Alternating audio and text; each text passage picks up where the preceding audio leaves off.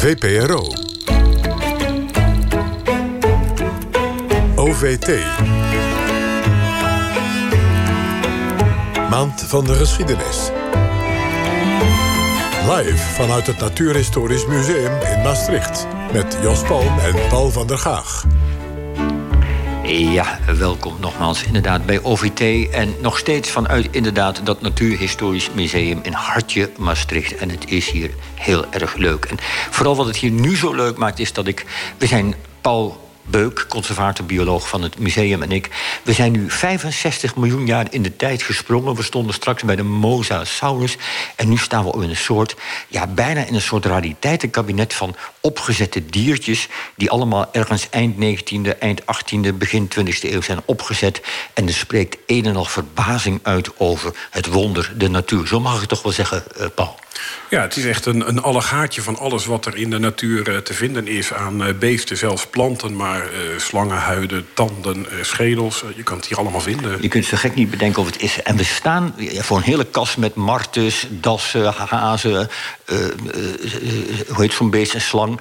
Um, van alles. Maar wat me het meest verbaast is dit diertje daar. Ik, ik, toen ik het net zag, dacht ik, het is een cavia. Maar het is een hele rare cavia, want hij staat veel te hoog op zijn pootjes. Wat is dit? Ja, dit is een typisch geval van uh, wat doet iemand met een beest wat hij op moet zetten, maar wat hij nog nooit gezien heeft. Het ja. is een cavia, maar als je dus een paar uh, plantjes laag kijkt, dan staat er een hond. Die is eigenlijk op dezelfde manier opgezet. Ja, ja hoog heel op de zielig, pootjes, zielig, ja. ja. Hoog op de pootjes, snuit een beetje vooruit. Dus ja, iemand moest een cavia opzetten, heeft misschien een dood beest gekregen of alleen maar de huid gekregen.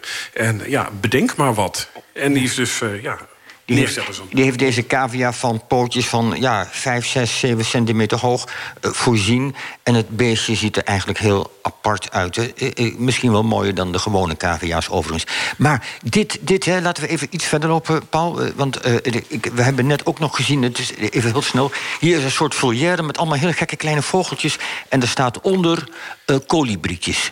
Wat is dit dan weer? Alle kleuren van de regenboog zien we van vogeltjes op een takje. Ja, het is iets uit de Victoriaanse tijd... waar ze zeg maar een kleine opzet maakten... met allemaal mooie kleine dingetjes bij elkaar... wat ze ook met vlinders en al dat soort beesten konden doen. Maar ja, dit is typisch iets van... je kan mensen in die tijd kon je ze alles wijs maken. Want als je gaat kijken, er zitten er een stuk of tien vogeltjes in... waarvan de helft maar een kolibrie is. En de meest kleurige beestjes, dat zijn een paar vinkachtige die erin zitten. Maar geen mens die het ziet als je het niet weet. En in die tijd wist men het gewoon niet. Nu kan je naar de snaveltjes kijken en dan zie je totaal verschillende snaveltjes bij die beesten. Maar ja, kolibries en vinken, dat is toch een heel verschil. Dat zal best. Ik geloof je op je woord. Tot slot, dit is een soort, dit noemen jullie het Bruin Museum. Dat is een kamer met allemaal inderdaad. Hier ruikt het naar eind 19e eeuw. Hier ruikt het anders dan in de rest van het museum. Hebben jullie dit opzettelijk zo gelaten?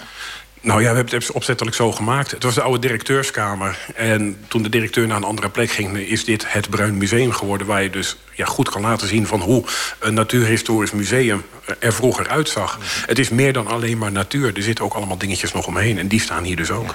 Een museum in een museum. Prachtiger en mooier kan het niet. Paul, we gaan weer naar jou.